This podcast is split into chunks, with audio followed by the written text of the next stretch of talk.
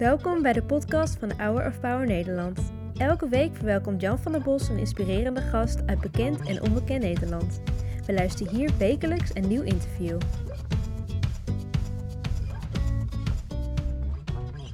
Ah, we zijn zo mooi. Hi, ik ben Muriel. Ik ben Talita. En eh, we zijn nu druk bezig met de voorbereidingen. Moeder en dochter en allebei zingen ze mee in het Passion Core. Maar zover is het nog niet. Eerst de make-up en het haar. Wat zijn jullie nou aan het doen? Oh, mijn oma's haar kammen. Ja, want ze willen er natuurlijk op en top uitzien. Ze gaat er straks een hele mooie bol van maken, dus dat zie je. Muriel woont al 40 jaar in de Bijlmer.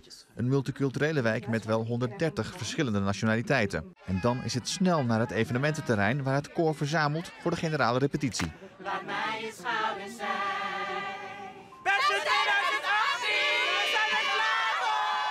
Moeder en dochter zongen samen met passie in de Passion. Ja. Was dat een van de hoogtepunten in jullie leven? Ja, best wel. Toch hè? wel, hè? Ja. Ja. Waarom? wel heel. Nou, het feit alleen maar dat eh, we samen mee konden doen. En eh, alles eromheen in de Bijlmer. Zij is daar geboren. Eh, ik ben daar opgegroeid. Dus dat maakte het gewoon heel bijzonder. Voordat ik over jullie muzikale carrière ga beginnen, wat bewonder jij in jouw moeder? Dat het een sterke vrouw is die niet opgeeft. En eh, dat is ook altijd wat ze mij heeft meegegeven. Eh, dat mensen altijd gaan praten. Dus doe gewoon waar je voor geroepen bent. En waarvoor ben jij geroepen? Ehm, om het werk van God te doen. Om eh, te zingen. Om zijn naam groot te maken. En om mensen van buiten binnen in de kerk te halen. Zo. Ja. Wat bewonder jij in jouw dochter? Ehm, wat ik in haar bewonder is dat ondanks alles, want ze heeft best wel veel meegemaakt, eh, jong, al heel veel dingen die haar eh, bespaard hadden kunnen blijven, maar dat ze toch altijd weer opstaat. En dat is ook eigenlijk ook de betekenis van je naam, hè? Talita Kumi. Meisje, sta op. En dat zie ik iedere keer weer in want dan denk ik van, oh, nu is het best wel zwaar, nu is het heavy. En dan praat ik met haar, ik bemoedig haar. En soms denk ik van, oh, of zal het geholpen hebben? Maar dan zie ik het toch weer na een paar dagen zie ik het weer opkrabbelen. En dan pakt ze het weer op. En dan gaat ze weer verder. Dus ehm, ja, net als wat ze zegt, wat ze van mij heeft geleerd, om sterk te zijn en niet op te geven. Ja, wat dat trof me dat je zei, ik heb een sterke moeder. Want die had je nodig toen je 15 was en eh, zwanger raakte. Ja, Dat was toch wel heftig, denk ik. ja, behoorlijk. Toen jij het voor het eerst hoorde, wat, wat dacht je toen? Ik wil ze niet meer zien of ik omarm ze. Eh, toen ik het hoorde, dacht ik, mijn wereld stort in. Ja. Eh, Talita, wat doe je me aan? Ik ga het ook gewoon eerlijk zeggen, omdat dat een menselijke iets is. Ik, ik dacht meteen, ze moeten het weghalen. Want de kerk, iedereen gaat schande spreken. Want Muriel, praise and worship leader, haar dochter zwanger. Hoe kan het nou? Weet je, dus dat is het eerste wat ik riep. Totdat na een week, ik had een, een droom. En ik zag Jaden, toen wisten we niet dat hij Jaden heette en wat het zou worden. Maar een kindje hield me vast en hij lachte. Ja. En toen ging ik ook naar de toe. Toen zei ik tegen Talima, zij had de mind al opgemaakt. Ja, zij zou ga het niet weghalen. van, Zij zei nee. gelijk, ze houdt het. ja. Maar toen zei ik tegen Talita, nee, we gaan ervoor. Maakt niet uit wat er gebeurt, wat mensen gaan zeggen, we gaan ervoor. Ja, maar hoe ging dat bij jou, Talita? Want je stond voor in de kerk te zingen. En dan Ja. ben je toch Ja. ook een, een, een role model. Ja. Zeker. Eh, en dan moet je gaan zeggen, ja jongens, ik heb een fout gemaakt, foutje. Ik ben zwanger. Mhm. Ja, Ehm, ja, want dat ging eigenlijk wel al een beetje rond in de kerkgemeenschap. Van, Ja. Oh, ja, nou, maar ja, ik ben wel altijd de persoon geweest van, ja, ik kan me toch niet schelen wat mensen zeggen. Dus ik ging ook gewoon echt elke zondag gewoon naar de kerk. Dus ik ben ook gewoon... Maar werd het ook op een gegeven moment geaccepteerd? Want het is wel makkelijk natuurlijk om Ehm, stenen te gooien. Hè? Ja, kijk, weet je wat het ook was? Toen de tijd, toen het zeg maar naar buiten kwam, was ook echt de periode dat ik echt begon te zingen op grote Ja. podiums met mijn moeder. En toen gebeurde het. Dat Ja. ik dus zwanger raakte. Dus dat was best wel een shock ook voor de Ben buitenwereld. je nu God dankbaar dat je zo'n mooi eh, kleinzoon... Oh, is mijn, Oh. het is Mijn echt mijn kleinzoon. kleinzoon. Ja. Daar plaagt ze me ook altijd mee. Ja, het is, het is, het is me alles. Ja? Naast Talita is het echt me alles. Dus je hebt twee parels. Oh, geweldig. Ja, echt. Een hele echt. ketting moet het worden straks, hè? Eh, mm, nou, ik weet nog niet of, of zij dat wil, maar het zou wel heel mooi zijn. Jongens, jullie kunnen fantastisch zingen. Van wie Ja. hebben jullie je stem gekregen? Ik zeg van God. Van God. Ja. Ja? Ja. daar hoef je niet lang over na te Nee. denken. Nee, Hoe ontdekte jij dat je talent had? Nou, volgens mijn moeder, het moment dat ik kon praten, zong ik. Ja? Ja, en ik hield altijd al van muziek. Je kent het wel, de Surinaamse moeders. Eh, iedere zondag zong ze vol, vol overgave Weet mee. je nog een lied wat je moeder graag zong? Ehm, I'm hurt because you lied to me. oh ja, ja, ja. I'm hurt. Ik weet even niet de zangeres, maar dat Ik waren... dacht aan Rita Franklin. Nee, is geen nou niet. Dat is kom wel een, eh, daar ben je wel door geïnspireerd, hè? Ja, best wel, ja. Ja. Aretha Franklin. En dat ik bekeerde was het Helen Baylor. Ja. Zij was mijn grootste voorbeeld. Want ja. was er een moment in je leven, zegt dat ik me bekeerde, eh, dat je zei van, en nu leg ik mijn handen in het leven van God? 1992. Dus dan was ik 32. Je bent niet ouder geworden. Ja, toen. Ja. Mijn moeder ging altijd wel naar de kerk. Ja? We gingen altijd naar de zondagschool, dat wel. Maar echt gelovig? Nee, nee. Want ik zag mijn moeder veranderen. Ze was niet zagrijnig, maar ze, ze was een hele serieuze vrouw. Maar ik zag haar veranderen. ehm, als we beiden waren, was ze bezig met de Bijbel. Ik zag meer liefde in mijn moeder. Ja, mooi. Heel veel liefde. En eh, op een gegeven moment had ze me wel uitgenodigd ook naar de kerk. En ehm, een aantal keren ben ik meegegaan. En ik denk, ja, op een zondag had ik echt zoiets van, ja, ik wil deze God ook gewoon dienen. Die de rust geeft aan mijn moeder. Die mijn moeder zo laat stralen. Want dat zag ik. Ik zag mijn moeder echt veranderen. Jij straalt ook, hè? Ja, Jullie alle twee. ja. is, Ja. dat, eh, is dat een uitstraling van, eh, van God, dat je blij bent dat je hem kent? En mag, Het is meer een uitstraling van rust en zekerheid. Ja? Weet je, want wij gaan, iedereen gaat door dingen heen. Ik bedoel, ons leven is echt niet perfect. Maar omdat jij hem kent, heb je gewoon de zekerheid dat wat er ook gebeurt, het komt altijd goed.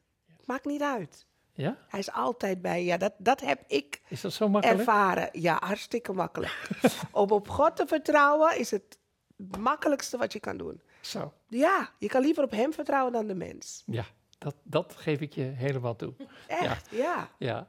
Heb je veel van je moeder meegekregen over het geloof? Ik ben, ik Wat- ben wel of dacht jij, wat is mijn moeder toch druk bezig met? eh, ik ben een jonge tiener, ik eh, ga van het leven genieten, ik ga Mm, mm, disco in, disco uit. nee, dat heb ik helemaal niet gehad. Oh, Nee, kon ook niet, want Nee. ik werd dus al vroeg zwanger. Ja. Dus dan... Dat stukje. nee, kom je er niet aan toe? Ja, dat, ja, Ja. kon niet. Dus eh, ja, ik ben wel eigenlijk echt in de kerk geboren eigenlijk. Even terug naar jou. Eigenlijk kwam jouw grote doorbraak met All Together Now. Ah, dat was best wel Je hebt een spannend. jury van 100 mensen. Ja, dat was best wel spannend, want het zijn allemaal artiesten. Ja. Dus, eh, maar ook wel, het was spannend, maar ook weer niet. Want ik voelde me gewoon eigenlijk een beetje ook, ehm, ja, ik voelde me wel thuis. Ik had zoiets, zing, doe je ding. Ik had nooit verwacht dat ik de 100 zou halen. En je ging ook nog eens met 10.000 euro naar huis. Ook ja. Kijk, Ja. hoeveel heb jij ervan gekregen? Nee, geitje. Wil je het echt weten? Eh, Dus dat, dat was heel bijzonder. Ja. Ik ga even naar jou. Je hebt meegedaan aan The Voice. Klopt. Was dat iets wat je had verwacht? Dat je dat zou kunnen halen? Nee, nee, ik ging gewoon elke ronde van, weet je wat, geniet ervan, we zien het wel. En elke ronde ging ik maar verder. Ja, ongelooflijk. Ik zei ook van, oké, als ik dan wel meedoe, wil ik wel toch graag de live shows halen, stiekem. Ja, en dat was het ook. Ja. En dat was voor mij ook goed. Wat ik zo bijzonder aan jullie vind, dat jullie eigenlijk altijd gospel zingen. Het liefst wel, ja. Ja, Ja. bijna altijd. Ja, Ja. absoluut. Of Ja. eh, liederen met een betekenis of een boodschap. Ja. Ja. Het is wel heel erg belangrijk. We gaan even naar een heel leuk stukje kijken waarin moeder en dochter eh, aan het zingen zijn. Ja. I understand that I should place you to my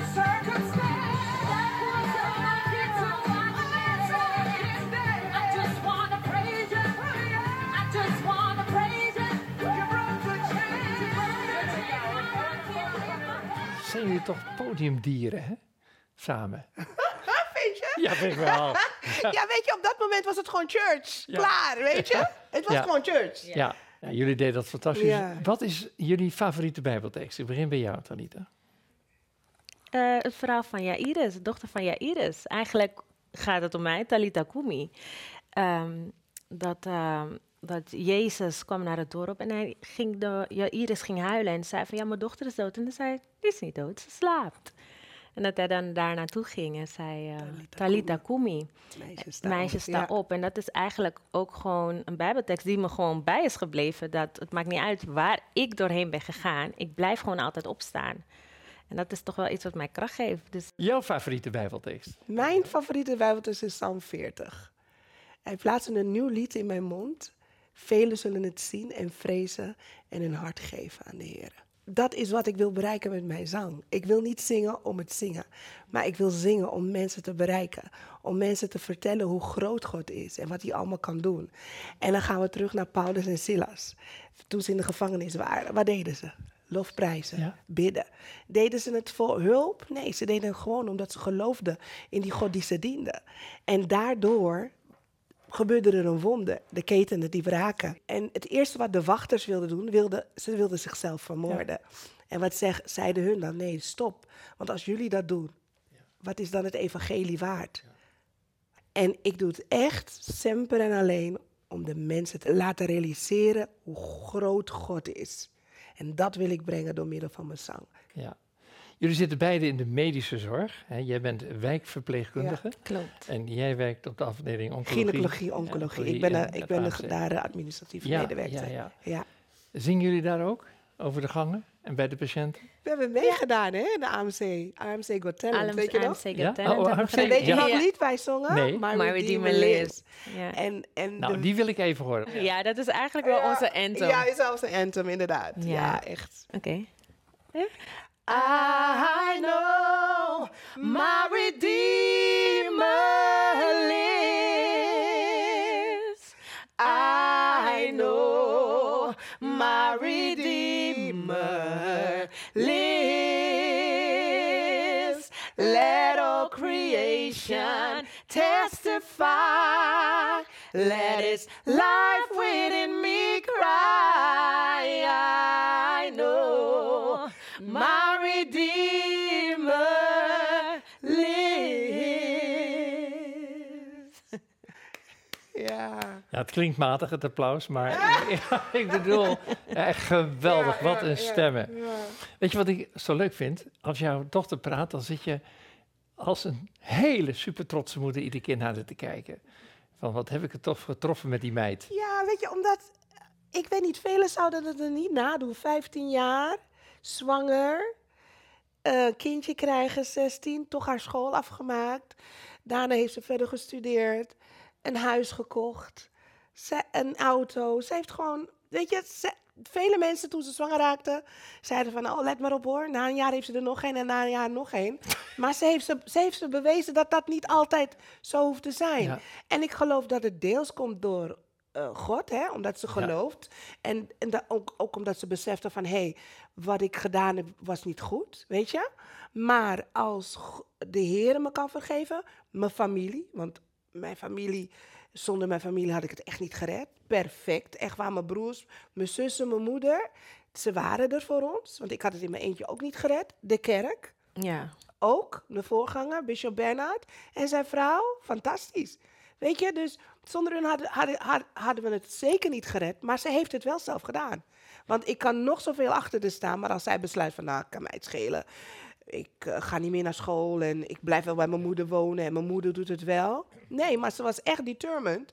Ik bedoel, ze was volgens mij net een maand bevallen en ze zei, mam, ik heb een baan. Trots op je dochter en terecht. Ja, absoluut. Eh, wat zou je tot eh, de jongeren van jouw leeftijd willen zeggen? Als ze zeggen, joh, wat heb ik eraan? Ik heb liever, ik moet mijn hypotheek afbetalen. Ik wil eh, eh, kn- eh, knallen voor mijn baan, een gezinnetje voor me, of noem maar op. Maar Ja. God is eventjes nog in de koelkast. Ja, Ehm, weet je wat het is? We hebben het allemaal zwaar. We hebben ook echt allemaal een zware periode achter de rug gehad met corona. Niet alleen wij in de zorg, echt iedereen. We hebben mensen verloren die we lief hebben, hadden. Hebben nog steeds. Ehm, ik zeg altijd, geef niet op. Ehm, ook ik heb eh, mijn kracht kunnen halen uit het geloof. Ehm, andere mensen kunnen ook kracht halen uit, het, uit liefde van een moeder, een oma of een vader. Ehm, ook ik geloof dat die liefde soms niet zomaar komt. Of dat de persoon je niet zomaar opbelt van... hé, hey, hoe is het? Ik geloof ook echt dat God soms mensen op je pad stuurt... zonder dat je weet dat het God is. En dat je ook gewoon denkt van, oh, het is toeval. Maar daar geloven wij niet in. Nee. Niks is toeval. Ik geloof dat het God is die iemand op je pad stuurt... om even je een hart onder de riem... Uh, geen twijfel mogelijk. Geen twijfel mogelijk, nee. Dames, ontzettend fijn dat jullie hier waren. Uh, ik heb jullie gevraagd om een lied te zingen. Jullie hebben net al even gezongen, maar ik ga graag luisteren. Ja? Een privéconcert, wie heeft dat nog tegenwoordig? I just can't give up now. I've come too far from where I started from. Nobody told me the road would be easy, and I don't believe brought me this far to leave me. Oh,